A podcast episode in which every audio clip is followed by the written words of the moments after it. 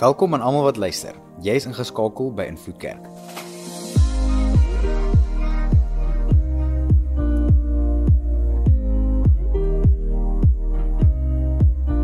Vir die volgende paar minute gaan jy luister na een van ons boodskappe.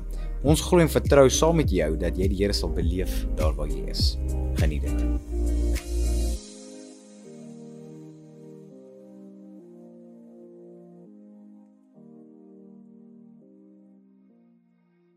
Goeiemôre en welkom so aan elke liewe ene wat inskakel. Dit is so lekker om jou hier te kan hê. En ek glo ook daar waar jy sit aanlyn en waar ook jy vanaf kyk, of dit nou luister op die podcast is en of jy dalk hierso sit in persoon of dalk selfs iewers op YouTube, waar ook jy dit vandaan kyk op ons webtuiste. Ek glo dit vandag se boodskap is so bittersoet ene. Die rede daarvoor is en ek glo die Here gaan ons kom ontmoet en die Here gaan met ons kom werk en die Here gaan 'n klomp mooi dinge met ons deel. Maar aan die ander kant sluit ons hierdie reeks af.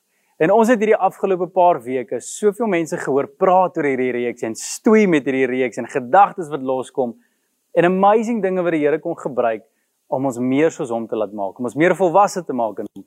So, die van julle wat hierdie reeks gemis het, moet daarna gaan luister, maar ek wil jou so ook uitnooi indien jy hierdie reeks geluister het en deel daarvan was en iewerste getuienis het van wat die Here al kom doen het, dalk tydens die reeks of selfs langer terug, Ons wil graag jou storie hoor. Asseblief, asseblief maak kontak met ons. Ons wil graag jou getuienis wil hoor en dan sou ook ons gemeente bemoedig deur dit vir hulle te wys. So asseblief maak kontak met ons daaroor. Maar julle, ons kom nou by die laaste insetsel van hierdie reeks en hoe amazing was hierdie reeks nie. Hierdie reis na volwassenheid. Julle sal onthou dat hierdie reeks se naam is wanneer ek groot is, dan wil ek en ons het 'n klomp goed oor gepraat. Wil ons lewe geniet soos wat dit is en en wil ons die vermoë kry om 'n situasie te kan omdraai om die sleg met goed te terug te betaal. En en al hierdie konsepte van harte sagte na sagte harte jy weet harde hart na sagte hart al hierdie konsepte en vandag eindig ons seker op die hoogtepunt en sonder vandag se preek gaan die hele reeks eintlik bietjie nog nog 'n sterkie by hê wat hy nie moet hê nie vandag eindig ons hom op 'n goeie noot af. So vandag se onderwerp is wanneer ek groot is wil ek eendag volkome vergewe. Volkome vergewe. Nou ons almal hier, of jy nou 'n Christen is of nie 'n Christen is nie, of jy al in skool eendag was, iewerste in jou lewe, of dit nou klein was of groot was, het jy al iewerste 'n preek gehoor van vergifnis. Ek en jy moenie loop rond met bitterheid nie, met 'n wraak teen iemand anders nie, ons moenie kwaad hou teen ander mense nie. Ons moet vergewe. En daar's soveel maniere hoe mense praat van vergifnis, né? Nee, jy moet jy moet 'n naam op papiertjie invul en in die vuur gooi. Jy moet gaan bid daaroor. Jy moet jy moet die mense koffie mee gaan hê en jou hart op die tafel sit. Ons almal het ons soveel pogings aangewend om ware vergifnis te behaal. Maar hier is die ding. Ten spyte van al daai preke, ten spyte van al die kennis, ten spyte van die oor en oor herinnering deur lewe dat ons mense moet vergewe, stoei ons nog met hierdie konsep. Sukkel ons nog om werklik en volkome te vergewe. Nou vandag gaan ek oor 'n Bybelkarakter praat soos ons die hele reeks al gedoen het. Oor mense wat hierdie volkomme persoon, hierdie die volwassenheid in Christus bereik het. En hierdie is juis 'n persoon wat dit bereik het in vergifnis. Mm, hierdie ou se naam is Josef, die van julle wat nie vinnig aan die storie kon dink nie. Maar Josef is 'n baie unieke persoon in die Bybel want Josef en Daniël, die ou van laasweek, het ons ek kan jy gaan lees oor, is die enigste twee mense buite Jesus wat eintlik geen slegte rekord agter hulle naam het nie. Dis betroubare mense, dis eerbare mense, dis volwasse mense binne die Here. Beteken nie hulle is foutloos nie, maar dit beteken hulle foute was nie so drasties nie. Het almal nie van geweet nie. Dit het nie uitgespoel op 'n klomp ander goed nie. En en hierdie ouens word nogal hoog geag as dit kom by volwassenheid met die Here. En Josef, juis oor die storie van vergifnis. Nou kom ek herinner ons gou almal vinnig aan Josef se storie. Onthou jy Josef is die ou wat betrokke was by die arkbou en al daai tipe goed. As jy nou geluister het en nie geweet het wat ek nou sê nie of wat ek verkeerd sê nie, dan is daar 'n probleem. Josef was nie die ou wat die ark gebou het nie. Onthou jy Josef en sy kleed, sy kleurvolle kleed, lyk soos 'n reënboog wat op met 'n reënboog met bene. Dit was Josef. Jy sien Josef se storie is dat hy is hierdie blue-eyed boy binne in hierdie familie. Hy is die jongste van al sy boeties waarvan hy die 12de boetie was. So dis nie net drie boeties nie, hulle is 'n redelike groot gesin en redelike groot boeties. Maar hier is die ding tussen al sy boeties, is hy is die gesiene tussen almal. Sy pa het 'n baie sagte plek vir Josef, sy jongste. Nou soos julle die van julle wat weet, soos julle weet in die Ou Testament kultuur om die jongste seun te gewees het, was eintlik die teenoorgestelde prentjie dat jy nie die blue-eyed boy is nie, dat jy nie die gunsteling is nie, dat dat die eerste geborene kry altyd die seën van die Here. Maar nie in hierdie geval nie jy sien Josef kry die aandag en Josef is die geliefde een en Josef is die is die is die kind wat bietjie voorgetrek word. Maar Josef se storie begin eintlik by een van die kere wat God vir Josef besoek het. En hy besoek hom nie in persoon nie, maar in 'n droom. En hy kry hierdie droom wat eintlik amazing is. Hy kry hierdie droom hoe hoe sterre eendag voor hom gaan buig en sy boeties gaan voor hom buig en sy pa gaan voor hom buig en Josef is iemand baie belangrik. En hy word wakker as 'n jong seentjie en hy kry hierdie droom omtrent ouens skat hier by 14, 15 jaar oud. Hy kry hierdie droom as 'n jong jong seentjie, as 'n tienerlaaitjie. En wat gaan enige tienerlaaitjie doen as hulle daai storie hoor? Ja, ek is belangrik in die Here se oë. Hy gaan hy nie vir homself hou nie. Hy gaan vir sy boetie vertel. Julle sal nie glo wat die Here vir my kom wys nie. Hm, dalk nie die beste taktik om te volg as jy as jy 11 ouer boeties het nie. Maar hy sê dit die droom vir hulle en raai wat? Hulle hou niks daarvan nie. Want wie is hierdie jong laaitjie? Wie is hierdie jong boetie? Wie dink hy is hy? En eventueel raak hulle so kwaad vir hom. Hulle gooi hom in 'n put en los hom daar vir die dood. Maar as een van die boeties wat baie van Josef hou en hulle maak toe 'n ander planne en jy sal nie glo nie, daar kom noem dit 'n osse waar verby en hulle is op pad Egipte toe en hulle verkoop toe vir Josef. Hulle jong boetie aan hierdie volksvreemde mense in 'n land in wat niemand te ken is nie as 'n slaaf waar hy nie weet waar hy gaan eet en waar hy gaan bly nie en daar gaan Josef. En hierso draai Josef se storie heeltemal. Hierdie verdomde boeties van hom. Ek toe kom op 'n plek waar hulle letterlik sy lewe verwoes. En, en hier gaan hy Egipte toe. Hy beland in Egipte en eers as 'n slaaf en gaan so aan maar dadelik langs die pad word hy gesien as 'n wyse man want God besoek hom nog steeds in drome Eh, en God help hom om ander se drome uit te lê waarvan een van hulle Potifar, een van die ministers van die farao van die land, se droom uitgelê was en verduidelik was. En daarom was hy 'n belangrike persoon. Hy kry sommer dis nou Josef 'n posisie in Potifar se huis as 'n belangrike persoon. En dis eintlik ongehoord van iemand wat buite die kultuur bly, nou buite die Egiptenaarse kultuur. So Josef kry nogal dit lekker in die sin. Maar Potifar se vrou sy hou 'n bietjie baie van Josef. En soveel so dat sy eintlik hom wil sien sonder sy klere en by hom wil gaan slaap. Josef skarrel homself elke keer uit die situasie uit, maar een keer kom toe baie naby want sy ruk toe sy japon van sy rug af. En hier sit sy met die klere en Josef hardloop, beste ding wat hy kon doen, hardloop vir sy lewe, wil niks daarmee te doen hê nie. Maar sy loop toe na Potifar, haar man, en sê Josef het by my kom aanlê. Kyk hier. Hier is bewyse daarvan. Hier is sy klere. En Potifar natuurlik vat die nuus nie goed nie en gooi vir Josef in die tronk. En hier sit hierdie arme jong laaitjie weer in die tronk. Jare gaan so verby en jy sal sien dat uiteindelik is dit nie net Potifar wat gedink het Josef is 'n wyse man nie, maar die farao van die land kry ook 'n droom en Daniël, ag en Daniël hoor vir my. En Josef lê hierdie droom vir my. En weer eens word Josef opgetrek nie net in Potifar se huis dan nie, maar in die farao se huis, die koning van hierdie land as die tweede belangrikste gesagsfiguur binne in Egipte. Ek dink dis amazing. En nou staan Josef hier, hy regeer basies die land. Hy sê wat gaan, hy sê wat nie gaan nie, speel ongelooflike groot rol. En wat amazing is, eendag tref daar 'n uh, hongersnood die land. Dis gaals in die land. Mense kom van ver en wyd om kos te kom koop hier by Egipte want Josef het het vroegtydig genoeg voorsiening getref dat daar genoeg kos in hulle store is. So mense kom van ver af wyd om kos by hulle te koop. En die mense wat toe kom en besoek en kos kom kry is Josef se boeties. Hulle daag toe op en hulle ken nie toe vir Josef nie want hy is gemake-up lyk soos 'n Egiptenaar en het 'n diep stem intussen ontwikkel en dalk 'n baard gegroei en allerlei dinge. So hulle herken hom nie eers nie, maar Josef herken hulle en hy weet wie hulle is. Maar hy bly eers stil. Na rukkie gebeur daar iets amazing. Op die tweede besoek toe al die boeties daar is, toe toe tel ons nou die nou gaan ons die storie so saam lees in Genesis 45 En dis hier waar ons die storie optel. Toe kon Josef dit nie meer vir al sy personeel uithou nie. Gaan uit, almal van julle, beveel hy hulle. Daar was niemand anders teenwoordig toe Josef hom aan sy broers bekendstel nie. Toe bars hy in trane uit.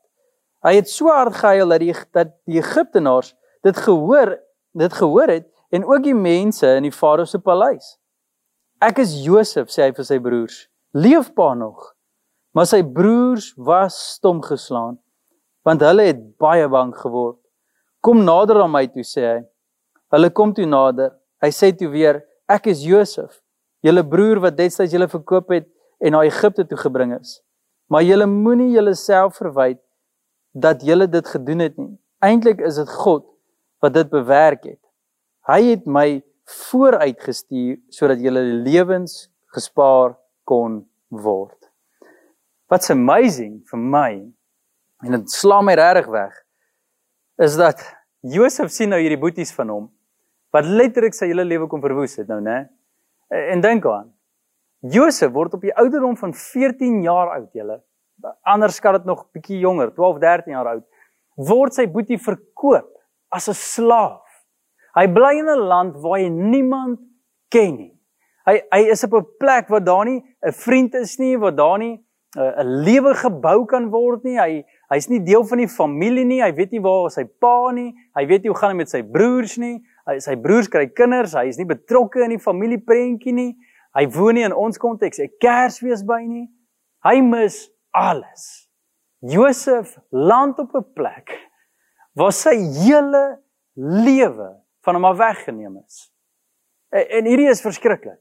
En hier kom hy op 'n plek waar sy boeties, die mense wat sy lewe verwoes het, voor hom kom staan. En nou is hy die een met die gesag, né? Het julle al gehoor daai versie van um the Lord says the vengeance is mine? Party mense voeg gesterk hierby en sê ja, the vengeance is the Lord's, but he he will deliver it through me. ek sal die vengeance om bring. Ek gaan vir jou sê wat's reg en verkeerd en en jou weer op jou plek sit. En hier kom Josef waar hy daai gesag en daai mag het om dit te doen. Maar dis die teenoorgestelde prentjie. Hy sê vir hulle moenie jouself verwyd vir wat julle gedoen het nie. Hy sê die plek waar sy hart skoon is en hoop is en vol vergifnis is. En, en soos jy hierdie storie sal lees, sal jy agterkom dat ehm um, dat Josef was nie net sommer opgestaan en nou leef hy so nie. Jy lees baie keer die Bybel en dink jy, ag, Jesus, maar hierdie was 'n nice ou. Josef moes deur goed gestoei het.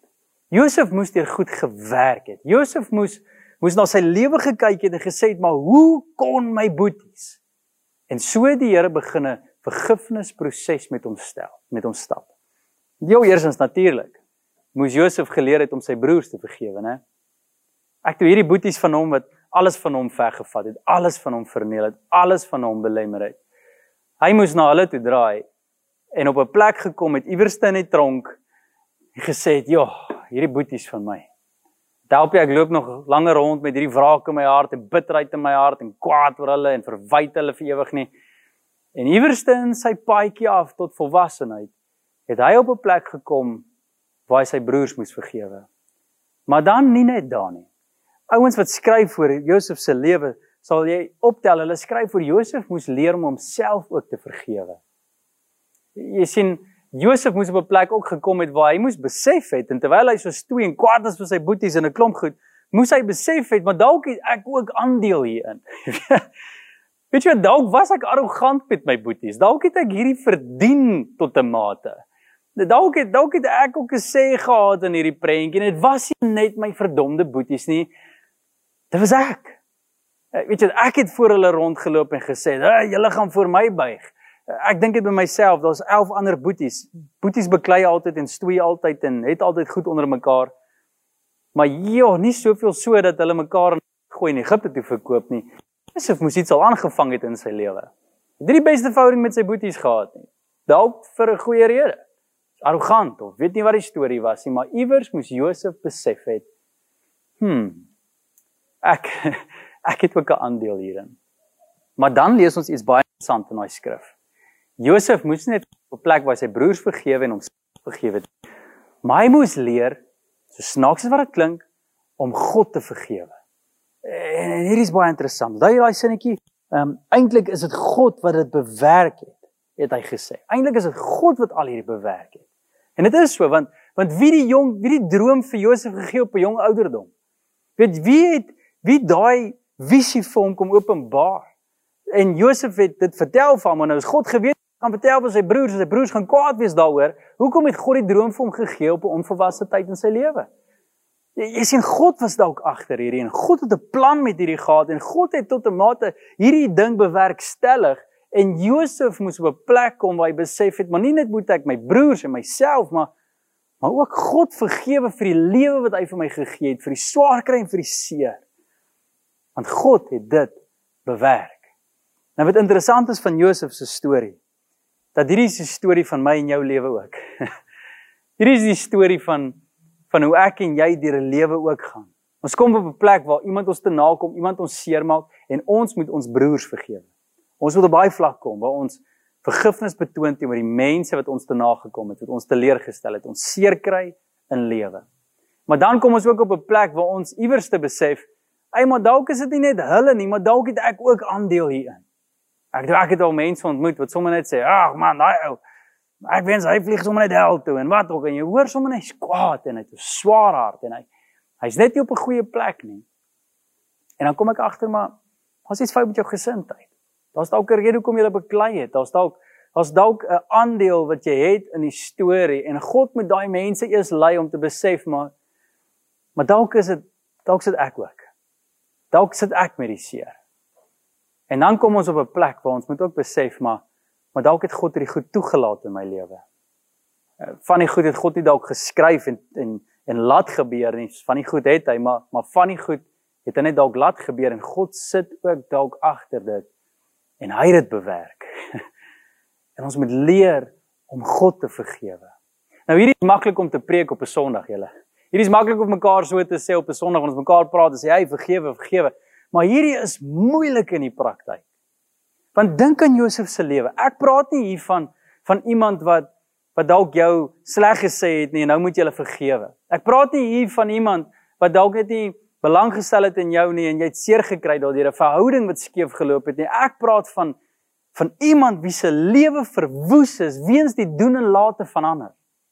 Ek praat van oorlogstories waar waar mense inbreek by huise en en ouers en kinders doodskiet en ons een persoon in my gesin wat oorleef en hulle sit met daai trauma, alles is van hulle af weggeruk en daai arme kind moet sonder ouers, sonder familie, sonder alles leef en groot word.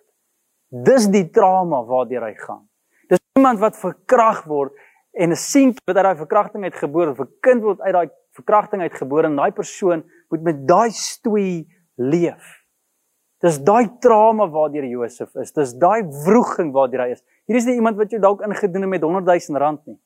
Met 50 000 rand. Hierdie is iemand wie se hele lewe verwoes is. Nie net deur ander mense nie. Nie net dat hy 'n aandeel nie, Maar God het sy hele lewe verwoes.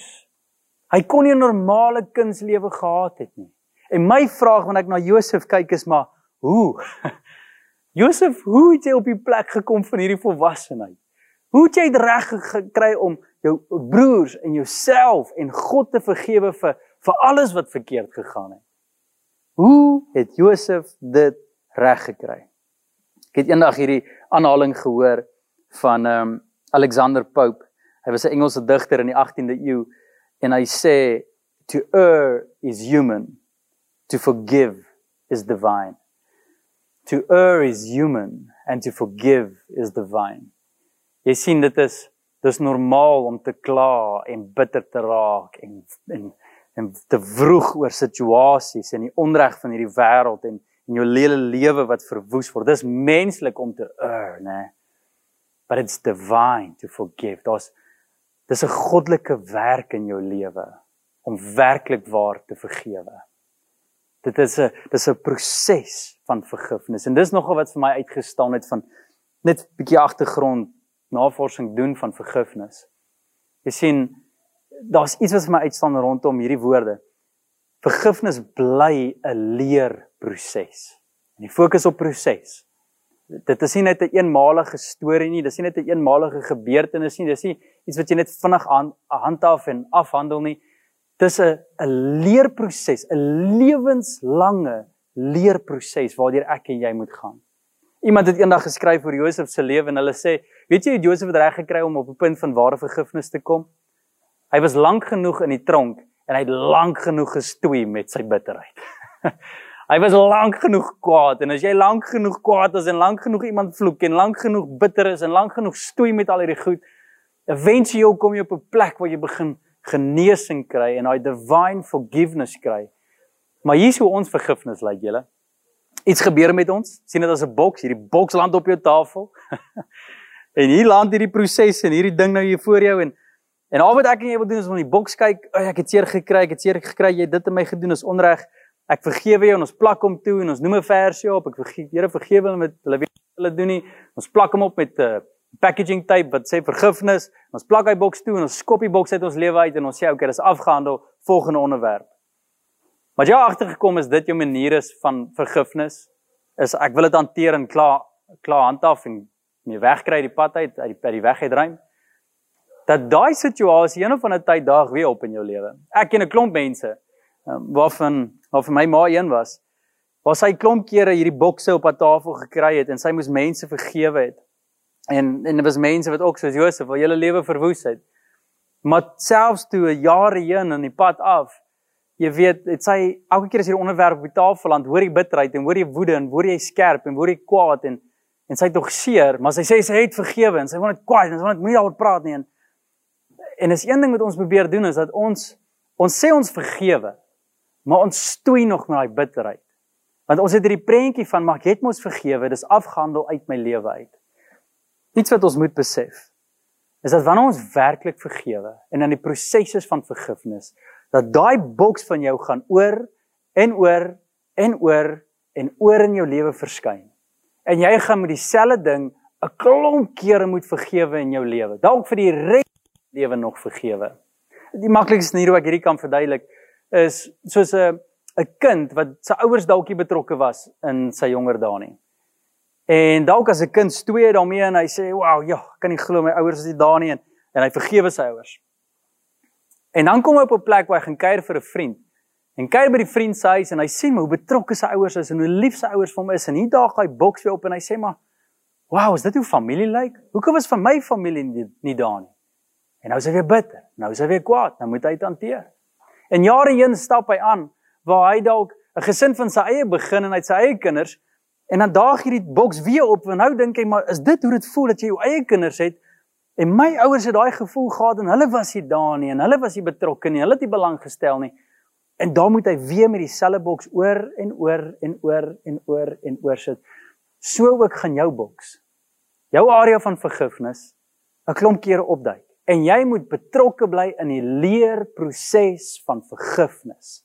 Hy boks kan nooit toegeplak word en weggeskei word en gesê afgehandel en klaar nie. Dit werk nie so nie.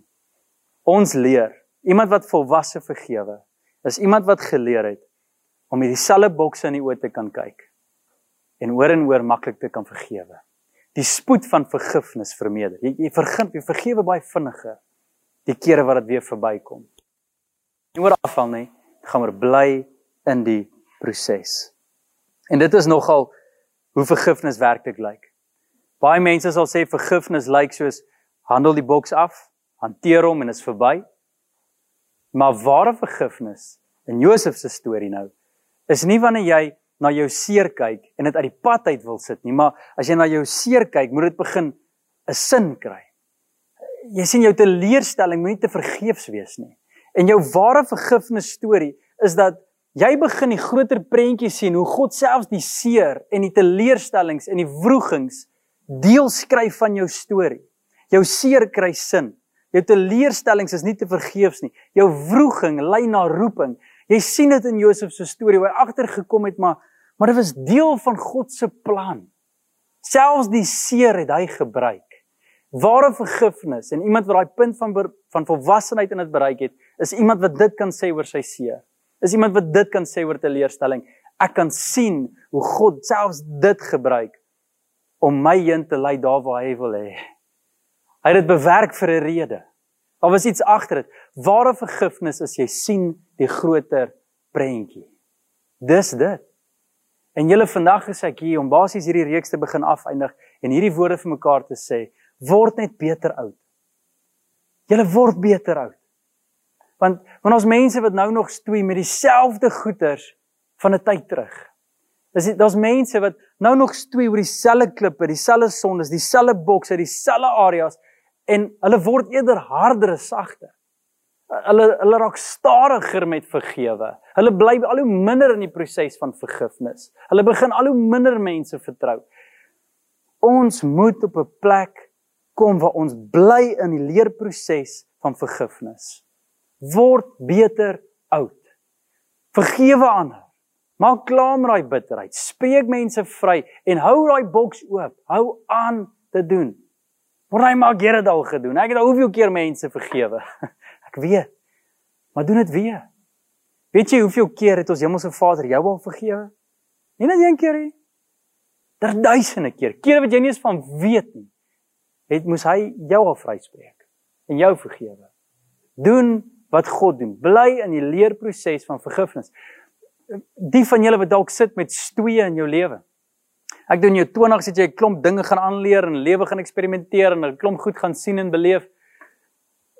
Maak klaar met daai goed. Jy kan nie nog 60 jaar oud nie. Jy kan nie jy kan nie nog 'n verdwaalde lewe leef, nog aan jou vuil mond hê soos jy dit nog steeds geld jaag soos wat jy gedoen het en dink daar sin en lewe daaraan nie.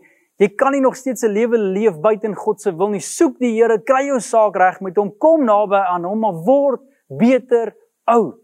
Daar's mense wat na jou kyk. En jou hart jou onvergifnis, jou bitterheid, jou wrogings, as jy dit nie hanteer in daai boks van jou hanteer nie, jy jy beïnvloed mense wat jou volg. Word beter oud. As jy nog nie geleer het wat dit is om jou hart oop te maak en sonde te bely nie, begin dit doen. Word beter oud.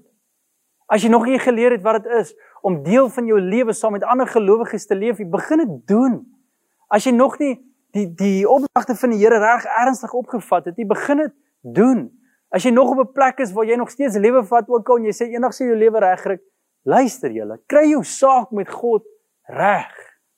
Bestuur jou hart. Word beter oud.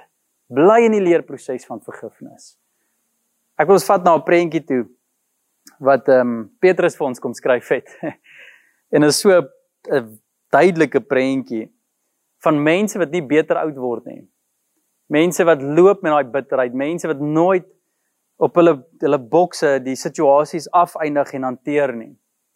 Dit is mense wat dit wat wat slegter oud word. Hier is hoe Petrus dit skryf. Hy sê in 2 Petrus 2:22 van hulle is die spreekwoord waar 'n hond gaan terug na sy braaksel toe en 'n vark word gewas net om weer terug in die modder te rol.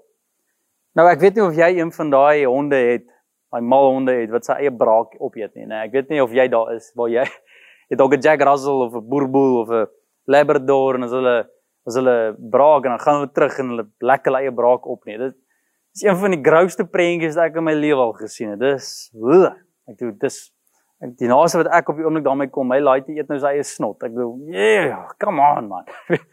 dis af en hier kom Petrus en hy sê mense wat nie vergewe het nie, mense wat nie beter oud word nie, mense wat nie leer om mense te vertrou nie, mense wat geïsoleerd leef, mense wat nie leer om mense net oop te leef teenoor ander mense nie. Daai mense wat slegter oud word. Hulle is soos mense wat hulle eie braak oplek. Weet jy hoe lyk jy as jy nie beter oud word nie? Jy lyk soos daai prentjie wat Petrus sê. Jy's soos 'n hond wat terugkeer na jou eie braak toe. Jy jy doen oor en oor dieselfde ding. Ek dis af man. Ek wou eintlik daar amper gesê hou op jou eie snot eet, maar dis dis dalk wat ons moet sê vir mekaar. Hey. Hou op jou eie snot eet. Hou op om en om dieselfde sirkels hardloop. Hou op dieselfde bokse probeer toeplak. Word volwasse. Word beter oud. Moenie soos 'n hond wees wat terugkeer na jou braak toe nie. Kom ons begin afsluit. Hierdie versie van Jesus, Lukas 6 vers 10. Is 'n amazing vers want dit leer ons weer wat Josef beleef het. Josef het vir ons kom leer dat selfs die seer, die teleurstellings, die wrogings, die bokse wat ek aan jou moet vergewe, daai is die pad wat die Here stap om ons ons roepings te gee. Het jy al gewonder wat jou identiteit, het jy al gewonder wat jou roeping van die Here af, het jy gewonder wat die Here se plan is met jou lewe? Jy vind dit in hierdie bokse. Ek kom ons lees dit gou saam. Lukas 6:16 vers 10. As julle in klein sake getrou is, sal julle ook in groot sake getrou wees. Ander kere het Jesus gesê, uh, as jy getrou is met min, dan sal God jou vertrou met meer. Jy weet dis dis hierdie beginsel wat ons oor en oor sien in die Bybel. En ek het altyd gedink dis dis in die positiewe gepraat in die sin van God gee vir jou 10 rand. Jy's getrou met jou 10 rand en dan gee hy vir jou 20 rand. Getrou met jou 20 rand, hy gee vir jou 50 rand. Getrou met jou 50 rand, hy gee vir jou 100 rand. En so groei jou verantwoordelikheid tot jou roeping. Ek het altyd gedink is dit, maar maar met Josef se storie en gedagte kon ek nie help om hier aan te dink en te dink maar miskien is dit die klein ding waarmee God ons vertrou. Nie net die klein mooi dinge nie, maar die klein seer dinge die klein teleurstellings die dinge wat wat krap die dinge wat moeilik is die frustrasies in lewe die dinge wat ons moet vergewe. En as God sien jy kan vergewe en jou boks hanteer in die leerproses van vergifnis bly dan kan jy vertrou met meer meer verantwoordelikheid. Want jy sien iemand wat volwasse is in God se oë is iemand wat verantwoordelikheid van die Here ontvang. En as jy op 'n plek kan kom waar jy selfs die slegte in jou lewe getrou mee is en sê Here Ek kies om te vergewe. Ek kies om my hart sag te maak. Ek kies om in die proses te bly wat nodig is. Sal jy al hoe meer jou roeping sien wat God vir jou het. Jou volwassenheid bepaal jou verantwoordelikheid van die Here af. Kom ons begin afsluit. Soos ek deur hierdie storie stoei van Josef, was dit vir my regtig moeilik om genuen te begryp hoe hy daarby uitgekom het. Want ek kon nie help om te dink hoe hy stoei met hierdie bokse En veral die punt waar hy kwaad was vir die Here en sê maar die Here was agter dit. Hoe hy op 'n plek gekom het waar hy die Here kon vergewe nie. Want is dis nou maklik vir my en jou om oor Josef se storie te praat, maar ek is seker daarvan as ons met hom kom praat terwyl dit gebeur het, was dit seer, was dit rou, was dit aaklig, was hy kwaad vir die Here, het hy gestoei met die Here, was daar wroging in sy geloof. En ek ek kan nie help om te dink waar hy net hierdie visioene gekry het van 'n Josef waar vir mense buig en iemand met gesag en iemand met met aansien. Hy's in die tronk. Sy lewe is verwoes. Hy het niemand langs hom nie. Hy kan nie 'n familie begin nie. Hy kan nie 'n normale tienerlewe hê nie. Hy kan nie hy kan nie gaan werk nie. Hy kan nie 'n besigheid, familie besigheid betrokke raak nie. Maar Here, jy weet, waar's die prentjie? Is hy getrou? Aanbid ek die regte God? Jy weet, waar is hy in die proses? Ek kan nie help om te dink in daai wrogings van Josef. Hoe het hy dit reg gekry nie? En dis die grootste gevaar in hierdie in hierdie vergifnisproses en julle hoor mooi. Daar is 'n baie groot gevaar van hierdie teleurstellings op 'n tafel land. Hierdie gevaar is dat dit ons geloof bietjie kan skeef trek. Kan bietjie ons sienings oor die Here skeef trek. Wat bedoel ek daarmee? Ek weet nie of jy een van daai kinders was op laerskool. As jy die sommetjie gekry het 1 + 1 is gelyk aan.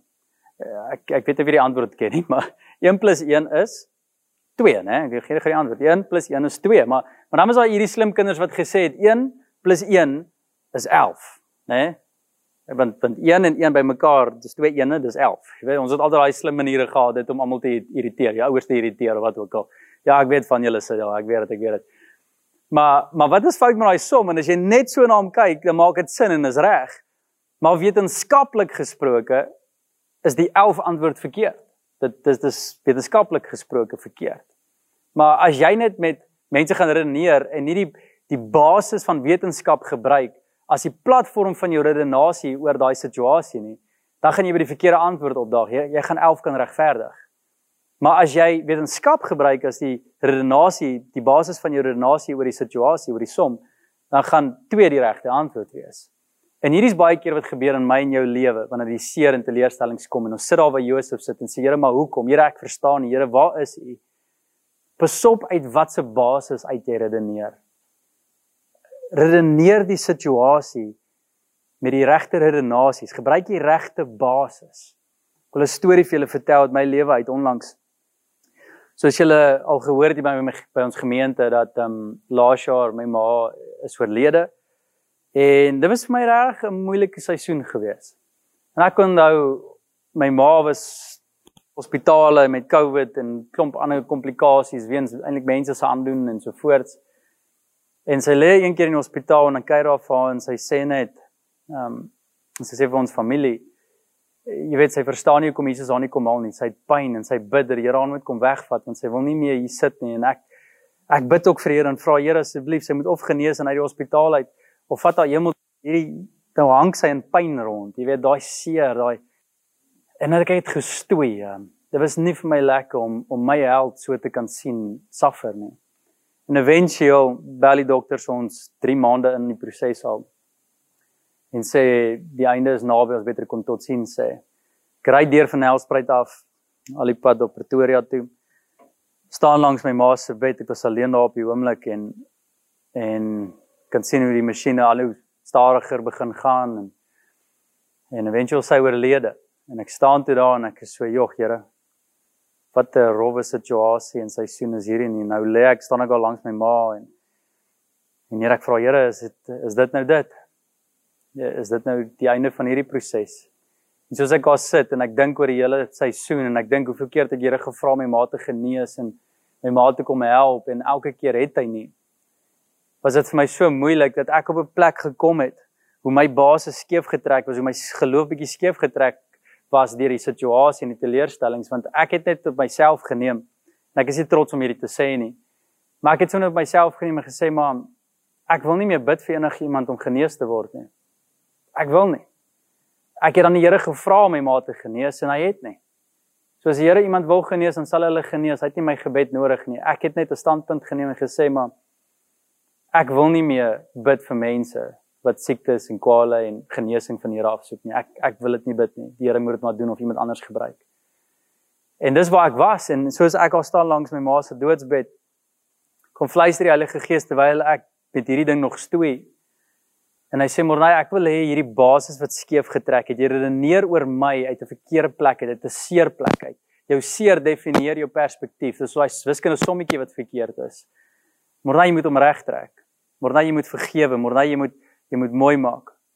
En op daai situasie, weet jy wat ek gedoen het? Ek kom op 'n plek waar ek waar die Here eintlik binne in my uitdaging gee en sê, "Morai, ek wil hê jy moet vergewe."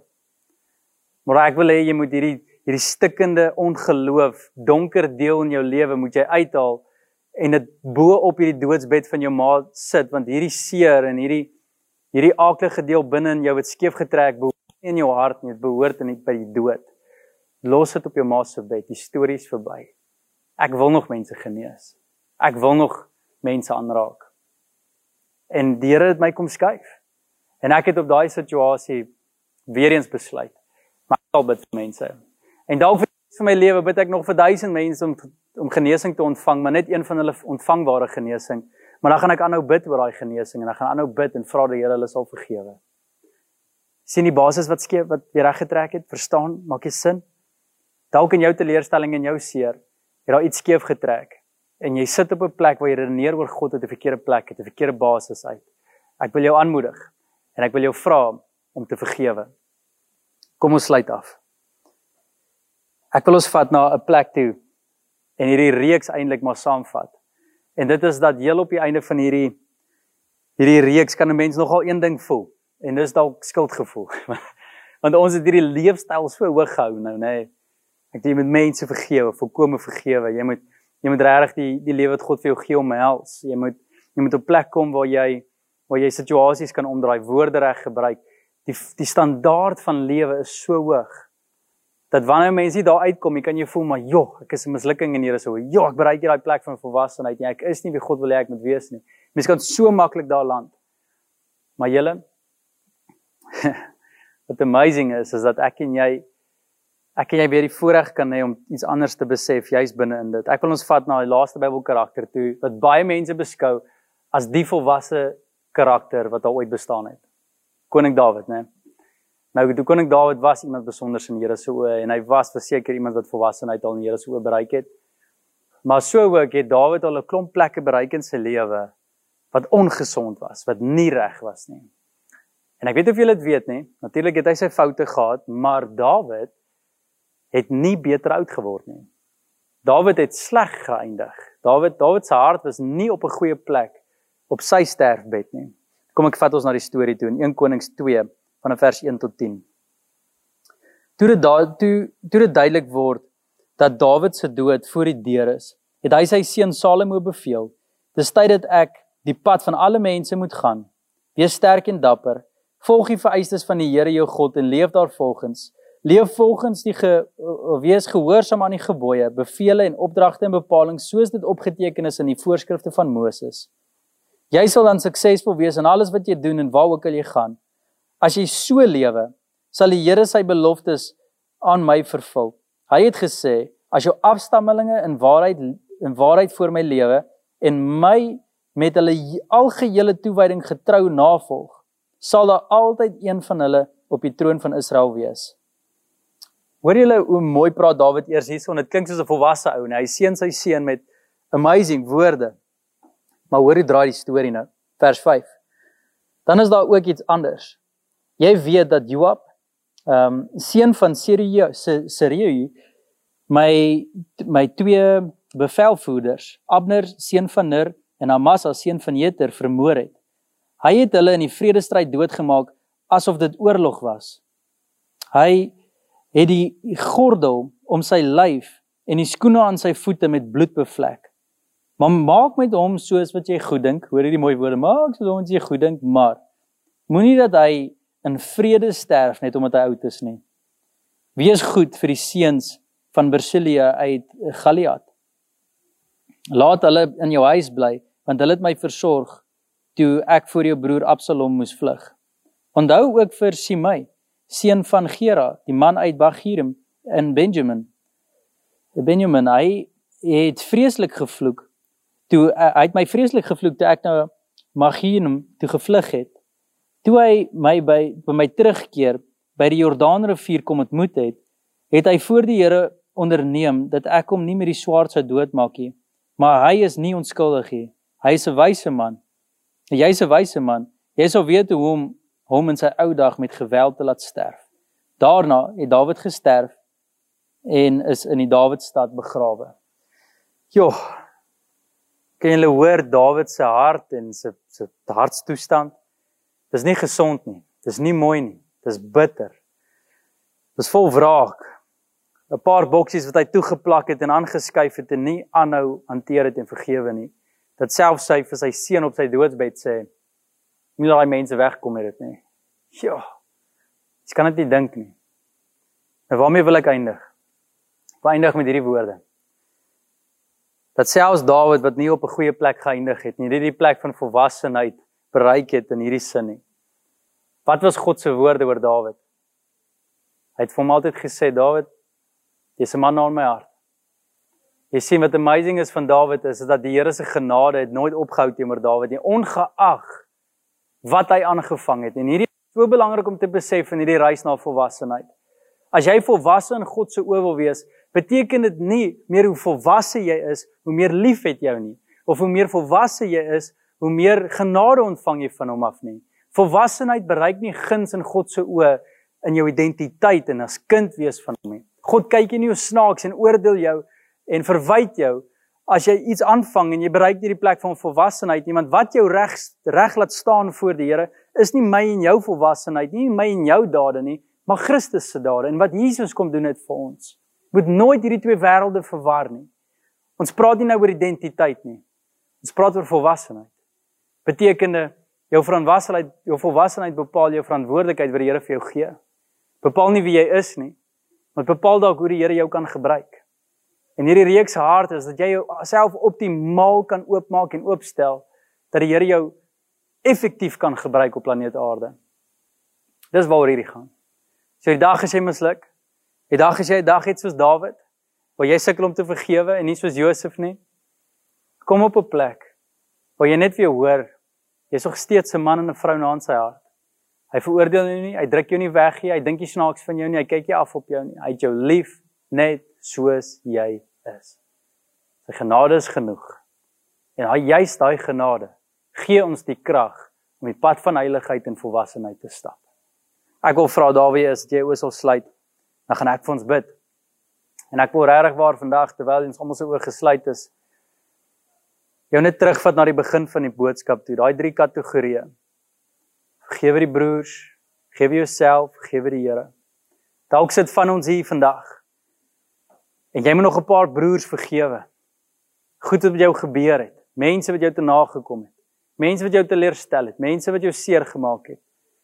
Of dit nou intentioneel of onintentioneel was, was dalk vergifnis wat moet plaasvind. Maak weer daai boks oop wat jy toe geplak het. Hanteer hom en hou hom oop. Hou aan vergewe. Raak vinnig met vergifnis.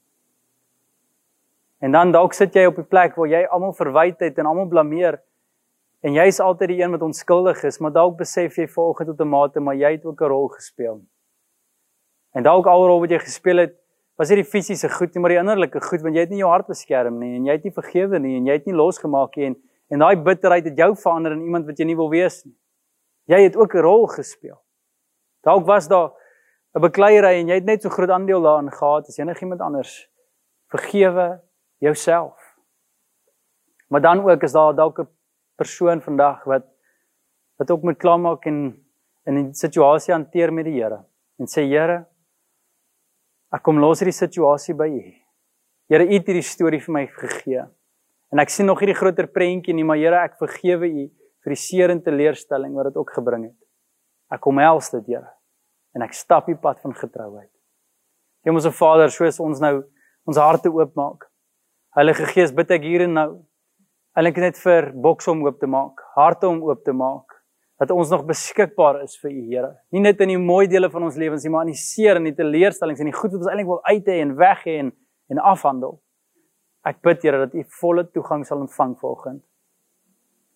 As daar mense is wat vergewe moet word, dat ons dit sal kan doen, Here. As daar 'n mensie is vandag wat hulle self moet vergewe, die persoon in die spieël moet vergewe, ek bid Here dat hulle dit sal kan doen. Ek bid Here as ons U moet vergewe, dat ons dit sal kan doen. Here, ek bid vir ons perspektief om weer reg te trek, ons ons basis waaruit ons redeneer in hierdie lewe, ons geloofsbasis weer reg te trek.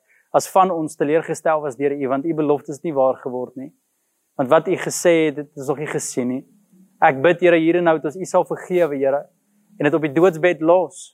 Uit ons hart uitdaal en op die doodsbed los en so ek vertrou volkome, Here. U is wie U sê U is. U is 'n God wat genees, U is 'n God wat voorsien, U is 'n God wat getrou is, U is 'n God wat altyd kyk na ons Niks en niemand kan die steel uit ons liefde uit u liefdevolle hand uit nie, Here. Ek bid vir geloof om te herstel. Ek eer U daarvoor, ek dank U daarvoor. Bid ons dit alles in Jesus se naam. Almal sê saam. Amen. Amen. Julle so baie dankie dat ehm um, ons vandag kom praat hieroor en hierdie reeks ook kon eindig. Dis 'n rowwe een, ek weet. Ek weet dit is nie 'n maklike onderwerp nie, maar gaan stoei met jou bokse. Want jou wroging lei dalk na jou roeping. So mag julle regtig waar 'n geseënde week hê en mag julle bokse weer oop wees, harte weer oop wees en regtig waar op so 'n manier beskikbaar wees vir Here. Ek seën julle en mag julle 'n fantastiese week hê. Onthou ook ons finansiële bydraes en dankie vir elke ou wat gee. Julle ons gemeente groei so mooi en ons is so dankbaar vir elke stukkie seën wat die Here op ons pad langs stuur.